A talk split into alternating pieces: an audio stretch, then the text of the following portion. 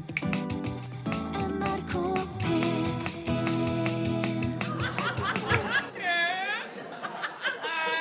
Liker du òg å le på mandagskveld? Her er Utakt ved Per Øystein Kvindesland. og Bjørn Olav Skjæveland. Vi lover to timer med god musikk Godt selskap. og utrolig godt humør. Nå kommer vinteren, og vi har ingen sommerhatt.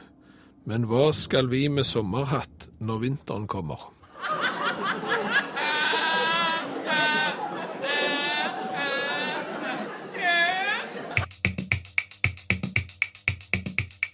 Er når jeg hører Jo Nesbø og de der, og jeg tenker at tenker han kunne fått det hvis han hadde fått øvd han Nesbø. Ikke så mye han lykkes med, egentlig. Det, ja, Det hadde han fortjent. det hadde han fortjent.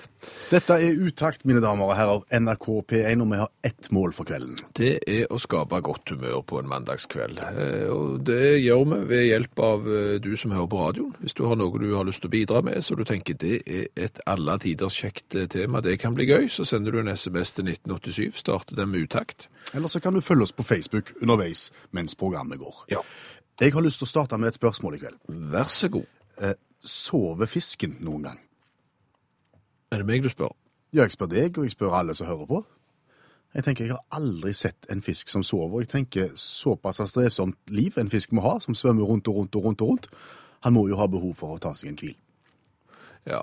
Eh, Før vi går inn på, på den debatten der, så vil jeg jo si at det er jo noe litt rart med inngangen her, fordi at du sier at du har aldri sett en fisk eh, sove. Eh, Jeg kjenner deg jo såpass godt at du befinner deg ikke veldig mye under vann, så det kan jo hende at du Nei, men jeg er jo en kystens mann.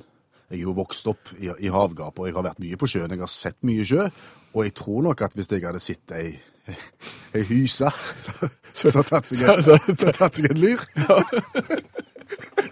så, så tror jeg jeg skal få til med. Ja, nei, jeg, jeg har heller ikke sett sovende fisk, jeg må ærlig innrømme det, og jeg er ikke spesielt sterk på fisk, eh, det må jeg si. Men eh, Det er et godt spørsmål. Det er et veldig godt spørsmål. Altså, jeg vet jo det, tror jeg at jeg vet, at han eh, Attenborough en eller annen gang har sagt i noe sånn BBC-program at haien må være i konstant bevegelse for å eh, puste. Altså hvis den, den er i ro, så, så får han ikke i seg det han skal ha i seg for å være hai. Um, Og det kan være at det er overførbart til, til brisling. Ja, kanskje, og du kan jo tenke deg da, hvis du er hai, for eksempel, og må være i konstant bevegelse for ikke å dø, mm. så er det jo litt greit å gjøre det. Ok, kanskje har haiene en sånn en egenskap som hesten har. Hesten kan jo stå og sove, og det er jo også sant. Hvorfor gjør han det? Han kan jo legge seg ned, men han gjør nå det, og så står han der og sover, det kan jo hende at haien kan svømme. Svømme i søvne? Ja, det, det kan godt hende. Ja, det er det de gjør. Ja, jeg vet ikke, men det er jo også litt upraktisk hvis du på en måte kommer borti noe. Ja, det er dunking hele veien, vet du. oh, ja, sorry, bare sov. Og, og jeg har jo, altså hvis du tenker sånn flokkfisk, Makrellstim. ja, Ja. Eh, hvis det er lederen der sier, nei, vet dere hva, nå har det gått i et bankende kjør siden eh, formiddagsmaten her, så nå, nå tar vi oss fem, og så finner vi oss i sandbank eller en eller annen sånn en en liten haug med, med, med noe Tang og tare. tang og tare, så tar vi fem. Ja, Og så, så legger de seg på rygg, og så. quillet. Ja, nei, jeg, jeg vet ikke, jeg. Nei, men, men skal vi bare la den henge? Ja, men altså, jeg har jo sett tegnefilm da. Ja, du pleier å relatere en del av kunnskapen din til det. Ja, og i Nemo, tegnefilmen Nemo, der mener jeg at far til Nemo vekker Nemo på morgenkvisten når han skal på skolen. Og det kan jo hende at det er sånn innarbeida mønster for fisk også, eh, Ja, for Nemo er en liten fisk. Ja, Mm. men jeg er ikke helt sikker på hva tid de sover, hvis det var det som skulle være da, fordi at jeg får jo aldri fisk på dagen. Nei. Og det kan jo tyde på at de sover på dagen, og, og at de er mer våkne på kvelden, at det er litt mer sånn B-mennesker. De har snudd døgnrytmen litt. Ja, rett og slett. At de tar seg en hvil på dagen, og så, og så fester de stort sett hele kvelden. Det er sånn at det er dags for fisken. Ja, men vi, vi gir oss glad, bare gladlaks er alt. Og som man roper i skogen, eller som man roper i havet, så får man svar. Ja, og vi har vel fått eh, kritikk her for å ikke ha sett eh, nok eh, naturdokumentarer på TV, fordi vi stilte spørsmålet «Sover fisk?» Noen gang. Og det gjør de visstnok. Ifølge Vigdis her så sover alle fiskeslag. Absolutt alle. Noen gjør det på litt ymse vis. Noen tar seg en tur inn i ei hule og, og legger seg til. Noen graver seg ned i sanden. Haien òg, som vi sier må være i konstant bevegelse for visstnok å holde seg i live. Sover òg. Noen fisker kobler ut halve hjernen om gangen. Så de kviler hviler med halvparten. Ja, tydeligvis. Gyselig praktisk. Det er litt sånn som deg på jobb, det. Ja. Da.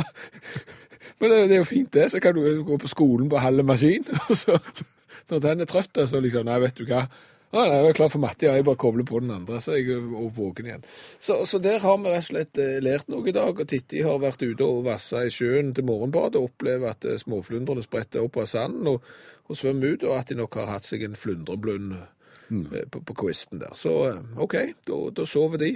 Øystein har fulgt debatten med interesse og har et tilleggsspørsmål å komme med. Eh, er fisken tørst? Bare ferskvannsfisk som er tørst. Etter det du har grunn til å tro? Nei, Jeg har ikke peiling. Det er jo, Det er et godt spørsmål, det òg. de må jo ha væske i en form. Ja, kanskje. Sikkert bare håndvæske.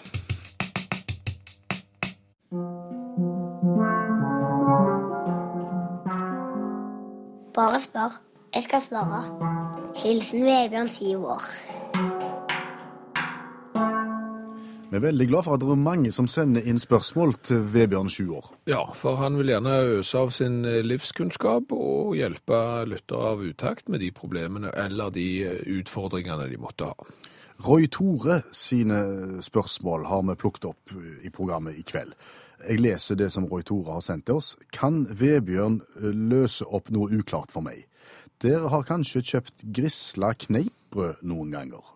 Jeg har prøvd å finne ut hva grisla er. Er det noe melgreier? Er det noe en kan gjøre?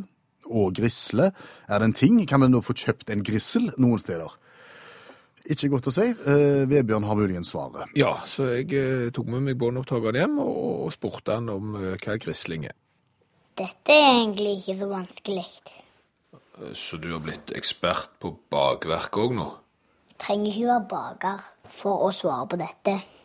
Trenger egentlig bare å ha litt greier på tradisjonshåndverk. OK, så grissel, da. Hva, hva er det? Å lage et grisla brød er rett og slett å følge en bakemetode som tidligere ble brukt ved steiging av såkalt alminnelig brød.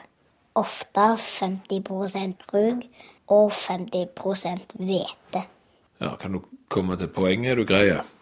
Altså, når et brød er ferdig raska. Raska, det er dette jeg gav. Ferdig raska vil si at brødet er ferdig heva. Og når brødet var ferdig heva, så tok bakeren og snitta brødet med fem-seks snitt i overflaten. Deretter ble det skjøvet på lange trefjøler, såkalte grisler, over sterk varme til det ble danna ei hinne på overflaten.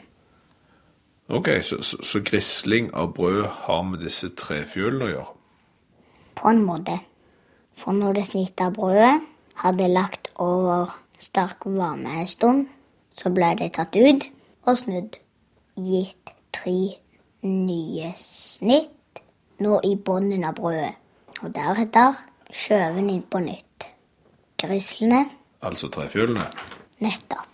Grislene ble strødd med fin sagflis for at brødet ikke skulle sette seg fast. Etter denne behandlingen kunne brødene lettere håndteres og ble skjøvet i lange rader og stekt ferdig. Ofte i en annen og større ovn. Hvis jeg har forstått dette rett nå, så grisling gjorde en for å få et lett håndterbart brød. Ikke bare. Grisla brød får nemlig en spesiell jevn og sprø skorpe. Snittene gjør at skorpa ikke sprekker under steging. Noen bakere holder fortsatt denne bakemetoden i hevd, men de fleste bruker i dag moderne ovner med damp, så gjerne helt annen stekeprosess. Ja, alt du kan. Klar neste uke? Ja. Det er bare at jeg gleder meg litt til torsdag. Hva som skjer på torsdag? Skal i Brunhammeren barnehage. Åhå. Hva, hva var det han skulle på torsdag? Ja, De skal ta med seg andreklassingene i barnehagen, og så skal de ha kveld og spise kveldsmat sammen med de voksne. Så kjekt, da kan han sikkert få fortalt litt, da, hvis det er folk som lurer på noe. Ja, og, og hvis du lurer på noe som eh, Vebjørn gjerne skal hjelpe deg med svar på, så er det bare å sende spørsmålet på mail utakt krøllalfa nrk.no. Utakt krøllalfa nrk.no. Var det spørsmål?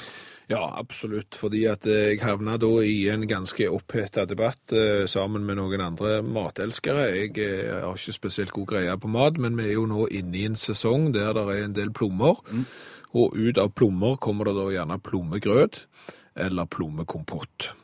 Ja. Eh, Så spurte jeg disse menneskene som har et avklart forhold til kompott og grøt, eh, hva som er forskjellen på eh, kompott og grøt, og så begynte de å fortelle hva som var forskjellen på det, og de hadde ikke greie på det.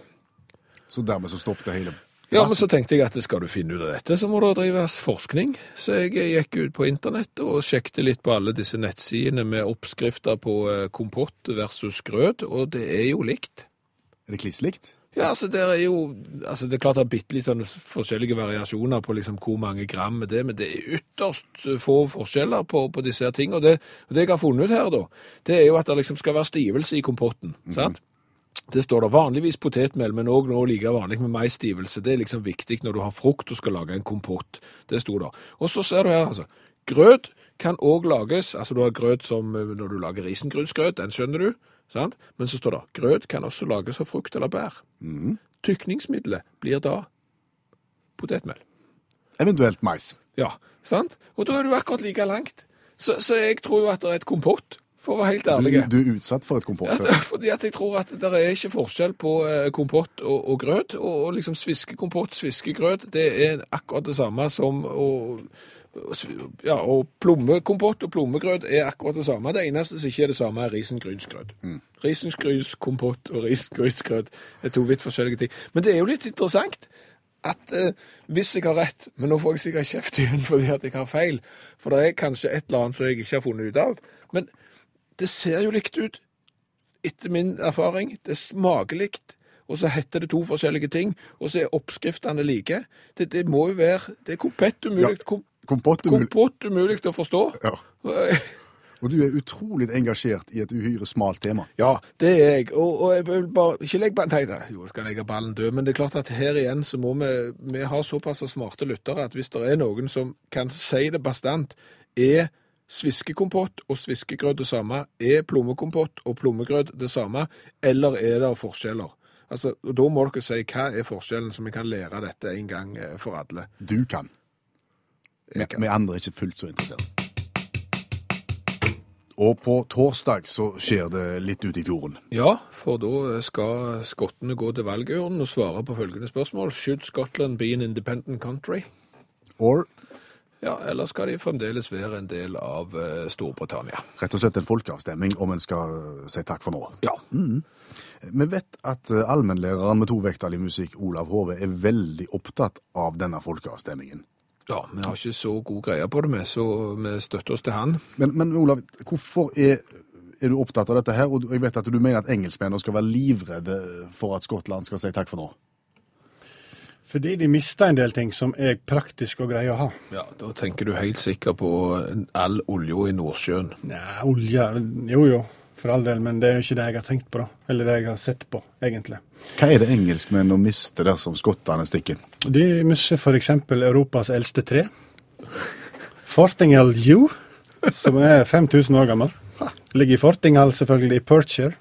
Og ifølge legenda så ble Pontius Pilatus født og oppvokst under et tre der. Og skotske legender, der er det mye tøv. Men, eh, men, og dette er en av de. Ja, De mistet det eldste treet, olja og Ja, så kan ikke de skryte lenger av at det var de som fant opp regntøyet. For de vet jo at Charles Macintosh fant opp regntøy i 1824, som var en kjemiker fra Glasgow. Eh, det er derfor de sier Mac istedenfor regntøy i England. da. Jeg trodde det var en datamaskin.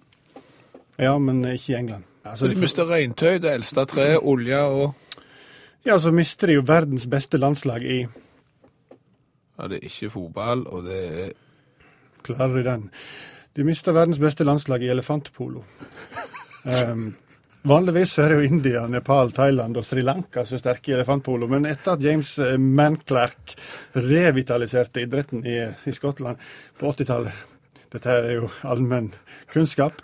Eh, så fikk han jo importert en del elefanter, og vips, så var Skottland i verdenstoppen i elefantpolo.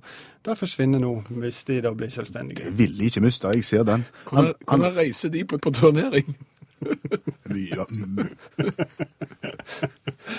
Ja, nei, det vet jeg ikke. Nei, men Nei. Da, da, OK, de mister verdens beste elefantpololag, det eldste treet når jeg datt av. Det var, Reintøy og olje, Ja.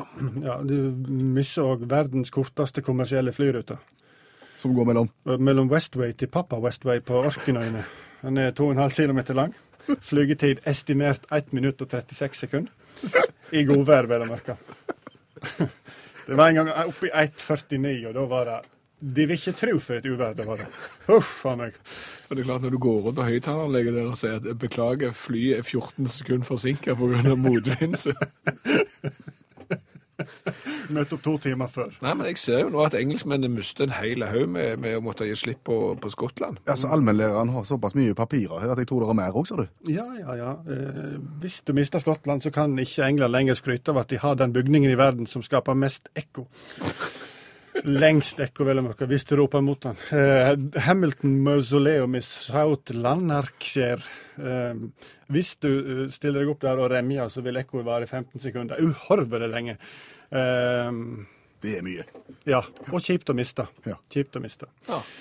Eh, Du vil òg få en nedgang på 36% i andel av rødhåra, noe som er selvfølgelig belgkjipt. Eh, Det gjør at forskjellene blir mindre, Nokså ikke bra. De vet jo at Skottland er heimlandet for rødt hår og pigmentmangel, og det mister de. Ja, eh, skal jeg ta flere ting? Er det enda mer? Er det enda mer? Ja, de mista jo eksempel festivalen Vuppetskori i Lanark.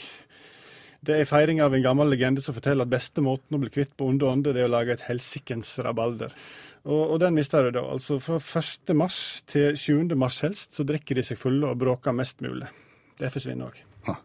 Ok, Da har jeg notert de mister olje, verdens eldste tre, regntøy, elefantpololaget, den korte flyruta, ekkobygningen, eh, 36% rødhåra og denne her Fyllefantfestivalen. Mm -hmm.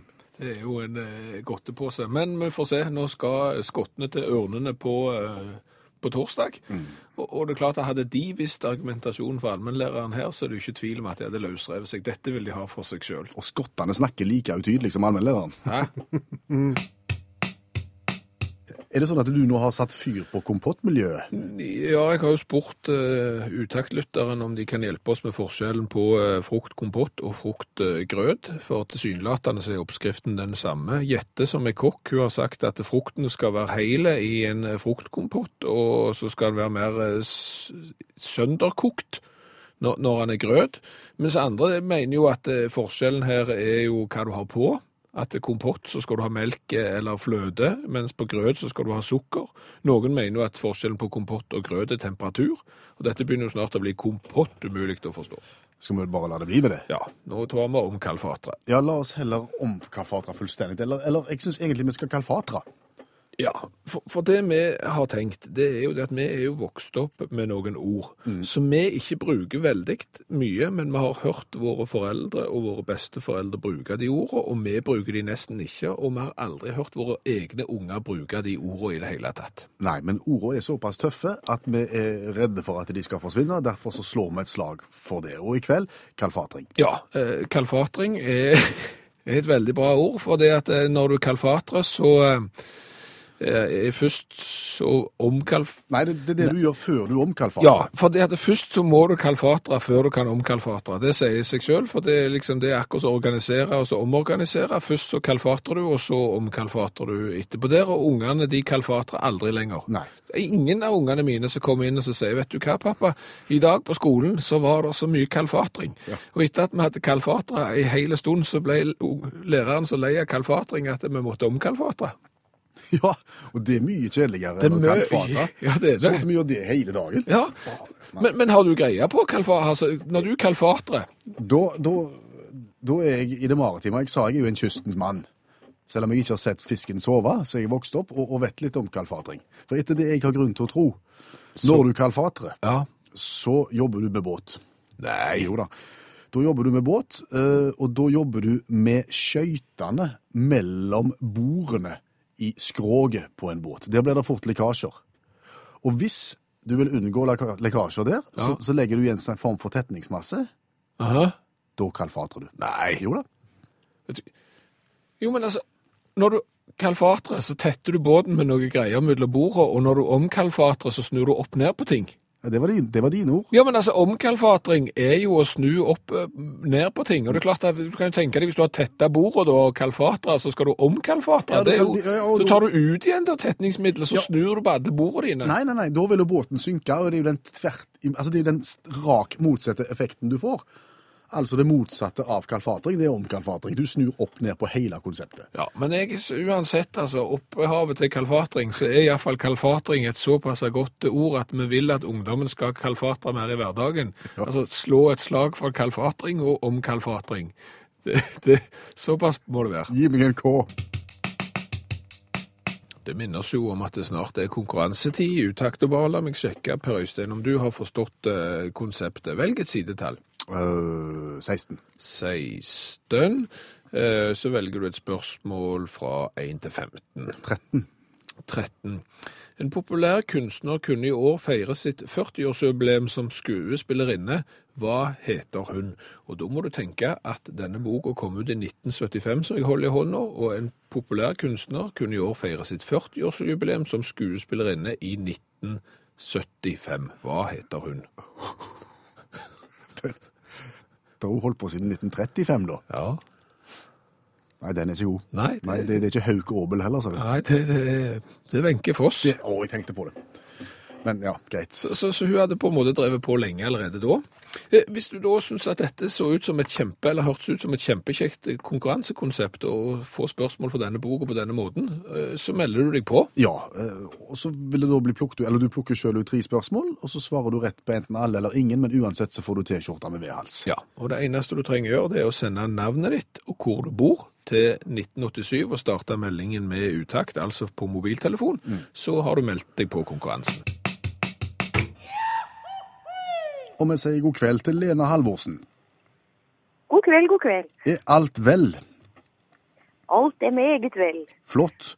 Eh, vi skal straks gå i gang. Vi skal bare ta en kjapp repetisjon av reglementet for konkurransen. Ja, det er såpass enkelt at jeg sitter her med Petter Nødts store spørrebok for barn fra 1975. Så tar Lena og velger et sideantall i den boka. Det går opp til 66. Og så velger vi et vilkårlig spørsmål deretter, og så får hun eh, enten svare rett, og da får vi litt gladjodling, eller så svarer hun feil. Og da er det litt tristjodling. Men uansett så er det da ei T-skjorte med V-hals som skal av gårde til Stathelle. Høres det greit ut, Lena? Det høres kjempefint ut. Godt. Men da er det rett og slett bare å begynne, da. Og, og da skal du få begynne med å velge et sidetall i boka. Da får vi ta 22, da. 22, ja. Skal vi se, da er vi kommet til kategorien som står på andre sida. Aktuelt mer og mindre. I 1975. Ja. Og huff, da. ja. Der er det eh, 15 spørsmål. Hvilket vil du ha? Skal vi, skal vi ta nummer 11? Nummer 11. Eh, Før, før du får spørsmålet, Lena. Hva forhold har du til 75? Hvor var du i verden da? Eh, Da var jeg langt ifra påtenkt. Ei. Da, kan det bli tøft. Men, men da går vi i gang med spørsmål 11. Ja, og det ble jo veldig kjekt. Kronprinsesse Sonja døpte i vår en sørlandsrigg. Hvilket navn fikk båreriggen? Bårerigg? Ja. Sørlandsrigg og bårerigg, her er det jo et Ja, ja. Ja Ja, nei, det vi satse på Gjøa, da? Nei, jeg vet da søren. Å, der kom trist jodling. ja. Ja. Altså her, For å si det sånn, så vil jeg jo si at kronprinsesse Sonja har vel da døpt både en sørlandsrik og en sønn med det samme navnet. Akkurat, ja. Velkjente boreriggen Håkon Magnus. Ja, Har akkurat. ikke, har ikke hørt det. Det hadde vært en fordel med et hint der, så kanskje. Ja, jeg tror det. Ja, ja, men det, Nå lærte vi noe i dag òg. Nå tror jeg vi alle lærte Ja, noe. ja. Ja, nå lærte vi alle noe, Lena. Ja. Ja, flott. Ja, det er bra. Eh, Aktuelt mer eller mindre der, altså, fra 1975. Eh, Eh, Skal vi finne et annet sidetall? Ja, få prøve seks, da. Prøve seks. Eh, Da er du på innholdsfortegnelsen, så ta et nytt. Oi sann. Eh, Da prøver vi eh, 16. 16. Skal vi se.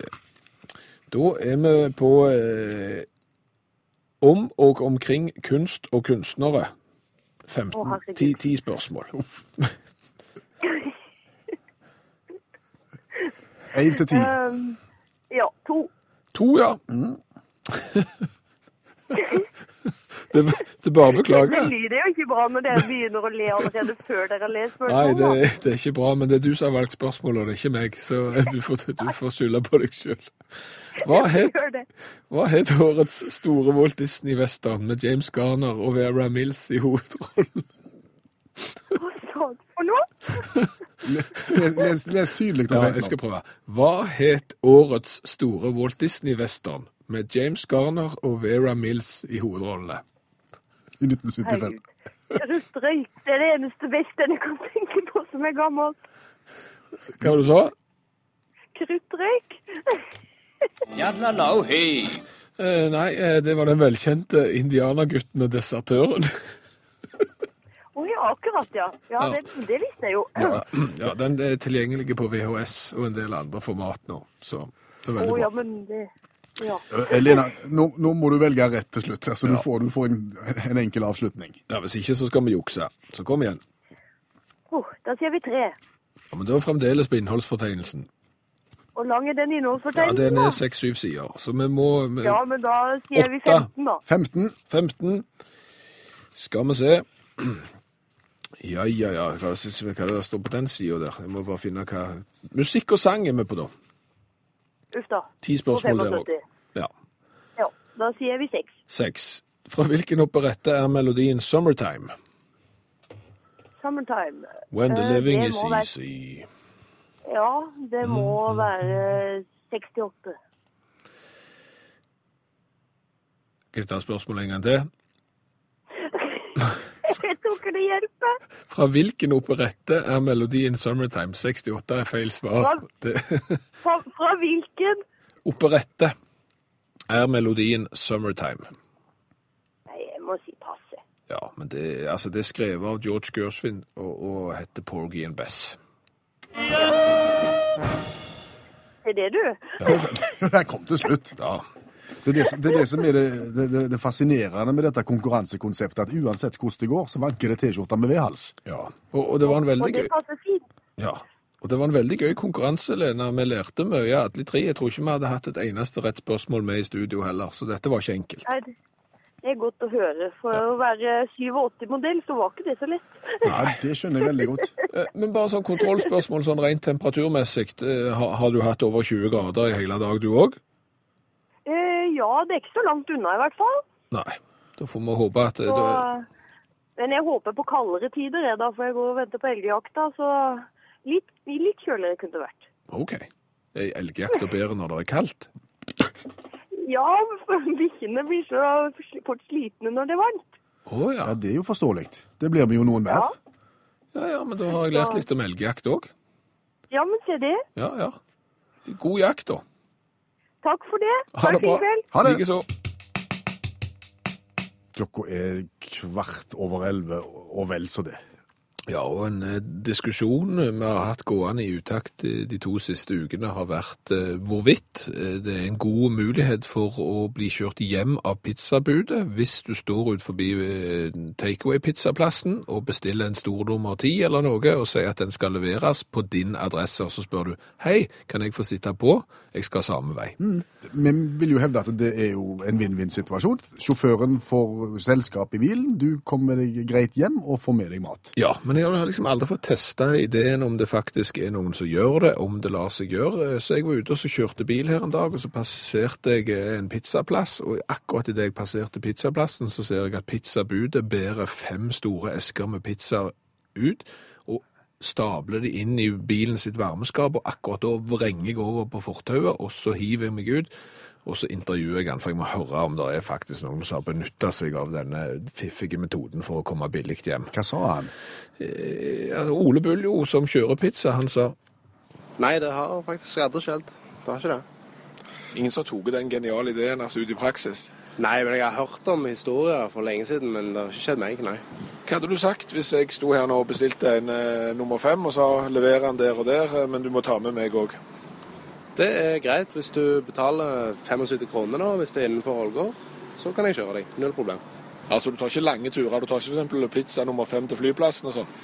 Nei, det blir litt i dreieslaget. Det gjør det. Da vet vi iallfall det at hvis jeg skal hjem herfra, står 75 kroner, så er jeg hjemme, og pluss pizza. Det stemmer. Men du satte ikke på. Nei, jeg hadde egen bil da, men, men du ser at så lenge det er innenfor det der området som de leverer pizza til, så er det store muligheter, altså. Men det er klart at idet du f.eks. vil til en langt plass langt, langt vekke, så, så går jo ikke konseptet. Men den lille svippturen hjem fra, fra byen f.eks. ser ut til det er potensiell eh, mulighet for å få. Utakt i NRK P1, som har ett mål for programmet. Ja, og det er å skape godt humør på mandagskvelden, sånn at du kan eh, kose deg, enten du er på jobb i bilen, eller sitter foran radiokabinettet i stua med, med pledd og, og en kopp kaffe, og, og gjerne fyr i peisen, siden det er pluss 20 grader i store deler av landet akkurat nå. Og nå blir det løye. Utakt leser høyt fra boka 'Norges morsomste vitser'. De beste vitsene fra NM i humor. Logikk. En fin frue var hos kjøpmannen. Denne oksetungen kan jeg anbefale på det meste, sa kjøpmannen. «Eh, nei takk, svarte fruen, jeg vil ikke spise noe som et dyr har hatt i munnen. La meg få et snes egg i stedet.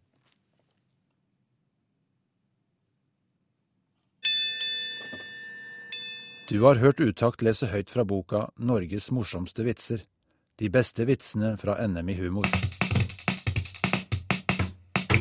Allmennlæreren med tovektig musikk, Olav Hove, er fortsatt her og er fortsatt opptatt av Skottland. Ja, er det. Han har jo annet lært oss at eh, engelskmennene bør frykte hvis nå skottene på torsdag eh, sier at nei, vi vil ikke være med dere lenger, vi vil være en uavhengig stat. For da går f.eks. engelskmennene glipp av plutselig å kunne si at de har verdens eldste tre. De mister også den bygningen i verden som skaper mest ekko. Ja, og, og de mister annet verdens korteste flyrute, som tar 1 minutt og 30 sekunder cirka. Og så blir det 36% færre rødhåra mennesker dersom dette her skjer. Ja. Så, så for alt i verden, dette må unngås ifølge allmennlæreren. Og det han også er opptatt av, det er at det må finnes andre måter å, å ordne opp i det som skal skje på torsdag, enn denne her folkeavstemningen. Folkeavstemningen bør en rett og slett unngå, mener Olav Hove. Eh, finanskrise og alt mulig. Kjempedyrt å ha folkeavstemning nå. Du må trykke opp sånn stemmesedler, du må, folk må ta seg fri, og du må lage plakater. Du må alt mulig greier.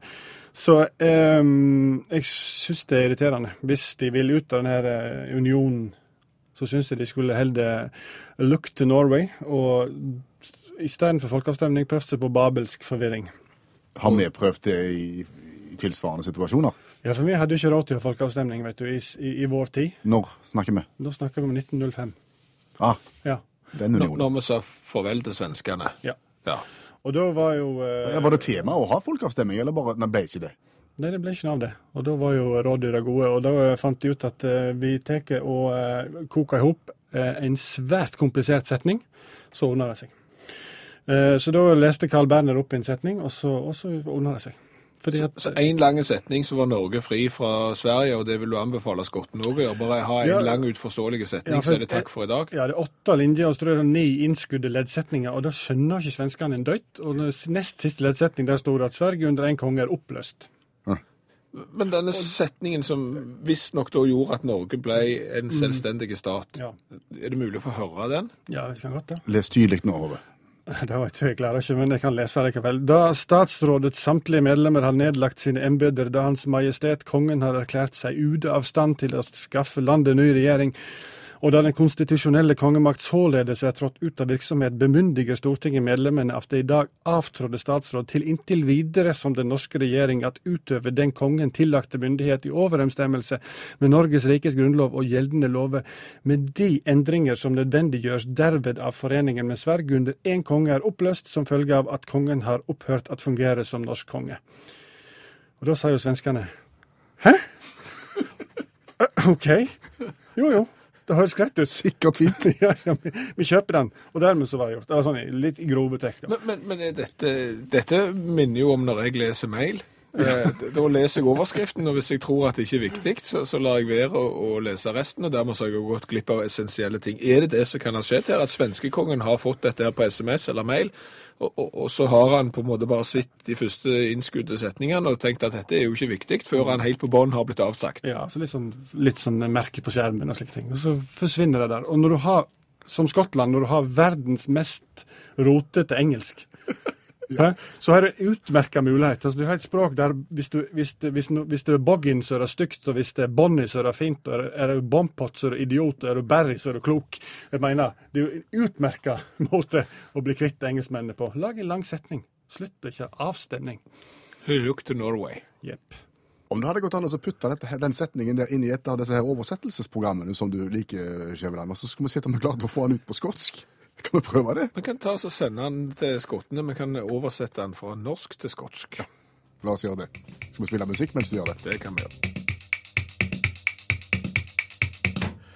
Kan du nå uh, gjenfortelle litt av det som ble sagt for fire minutter siden? Ja, eh, allmennlærer Olav Hove mente at en folkeavstemning i Skottland for eventuelt å løsrive seg fra Storbritannia er totalt eh, unødvendig, fordi at Norge klarte i 1905 å løsrive seg fra svenskene med kun å benytte en hauglange setning som egentlig består av 8 og 16 innskudde ledd og noe komma og mirakels, og helt på slutten av den setningen, når sannsynligvis svenskekongen og hele hoffet rundt han hadde slutta å lese, så kommer beskjeden nei, vi vil ikke ha deg til konge allikevel. Og så ble det bare sånn. Ja. Så, så etter modell altså Skottland look to Norway, Ja. sier allmennlæreren. Og dermed så har vi oversatt denne uavhengighetssetningen eh, fra da, ja, det er jo ikke norsk, det er jo mer dansk, eh, så vi har tatt den da fra dansk over til, til engelsk via oversettelsesprogram på internett, eh, og det høres sånn ut. When ministers all members have abandoned their offices when Hans Majestate King has declared himself Uder able to obtain land in new government. And then the constitutional Kongamat Sols entry UDAF Berksam Heed authorizes Parliament the members not AF it today after Arta Statsrad to until further that their Norwegian government that Ud of the King added mine died in accordance with the Norwegian ridges thorough and Galdenderlug with the Endringer, made necessary that the union with Sweden under one king is oplast to AF, that the king has ceased that function as Norwegian king. Det ble ikke tydeligere. For å heve på litt skotsk aksent på det der, så tror, så tror jeg du har en selvstendighetserklæring som som vil noe.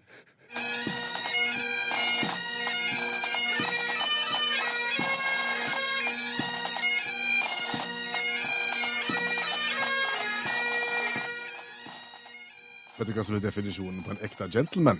Nei. Det er en som, mann som kan spille sekkepipa, men som lar være. Vi skal ut på fjorden, hadde vi tenkt. Ja, fjord og fjord, men eh, ja.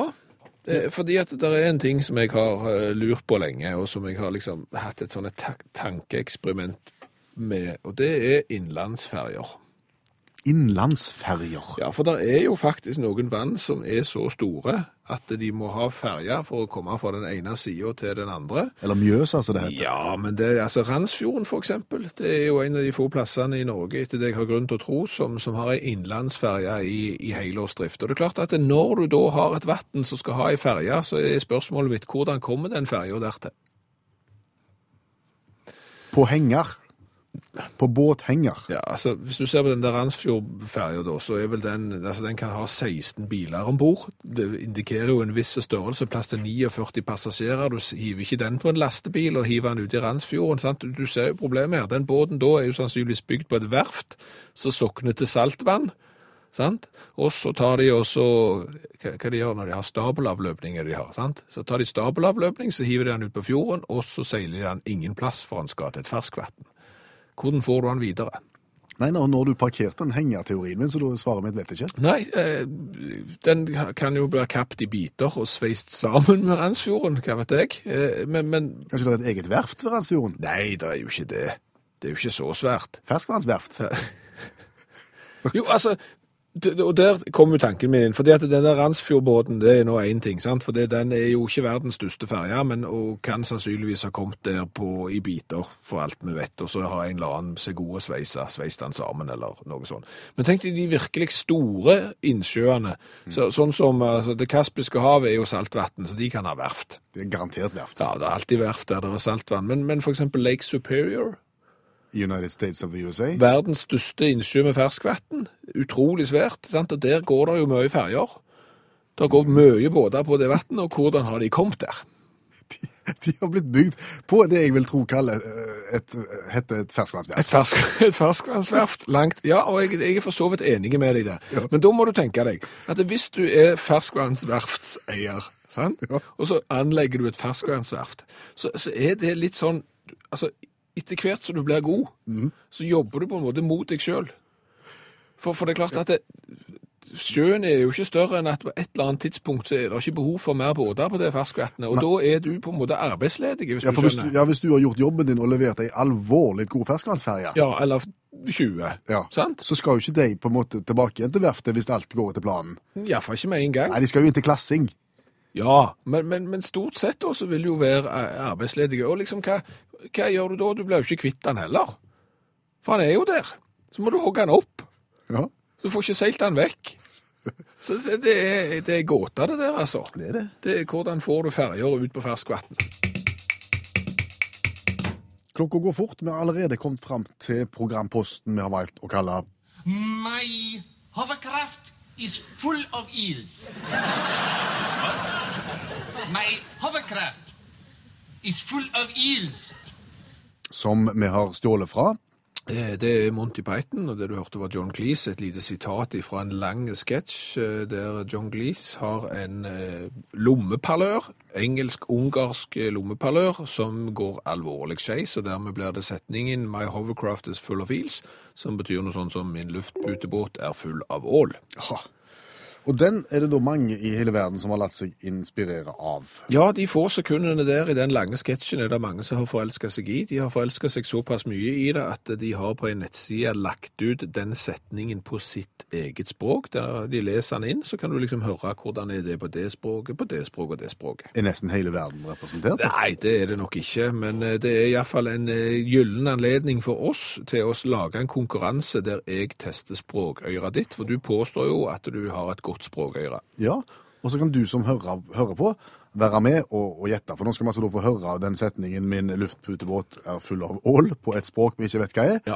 og så skal vi resonere oss fram. Yes. Er det vanskelig i dag? Ja. Her er setningen. هاورکرافت من پر از مارماهی است. Du hørte Hovercraften var med i starten der. Det var også det eneste. Kan jeg få den en gang til? Ja, du kan ta så mange ganger du vil, med hele kvelden.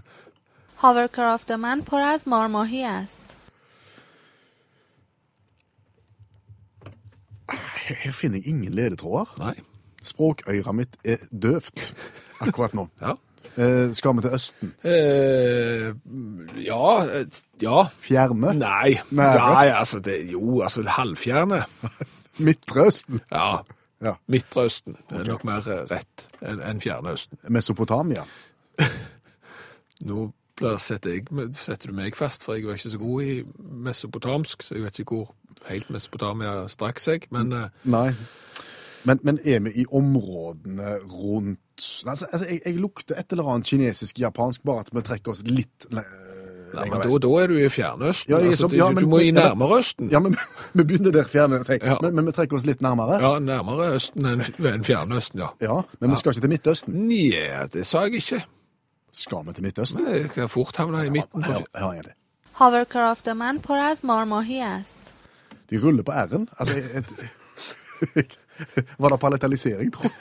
Nei, jeg, jeg tenker det er ikke Israel, fordi at jeg føler at israelerne har mye mer lyd. Så Nei, det var ikke det. Nei, kan jeg få et tips? eh, altså, det er jo egentlig da et språk som blir snakket i flere land i, i det som ikke er Fjernøsten, men mer Midtøsten. Eh, sånn at det er liksom Du kan ikke si at det er akkurat ett land, men det er gjerne flere. Er det arabisk? Nei. Er det palestinsk? Nei, det er ikke det heller. Altså, Jeg kan si såpass at eh, for oss, dette er gjerne litt gresk for du som hører på ut forbi Rogaland akkurat nå, men på Jæren i Rogaland så er det en nasjonalrett som heter farsa i dobbelt brød. Ja, det er en matrett, ja. Ja, og, og, og der ligger svaret. Det var farsa. Ja, Farsisk. far, farsi, altså persisk eller farsi, som er et iransk språk, er offisielt språk i Iran og Afghanistan, og ble også snakket i Uzbekistan og Qatar blant annet. Det er 200 millioner mennesker som, som ville sagt at luftputebåten var full av vold på den måten der. Hovercraft من پر از مارماهی است. Hør flere podkaster på nrk.no podkast.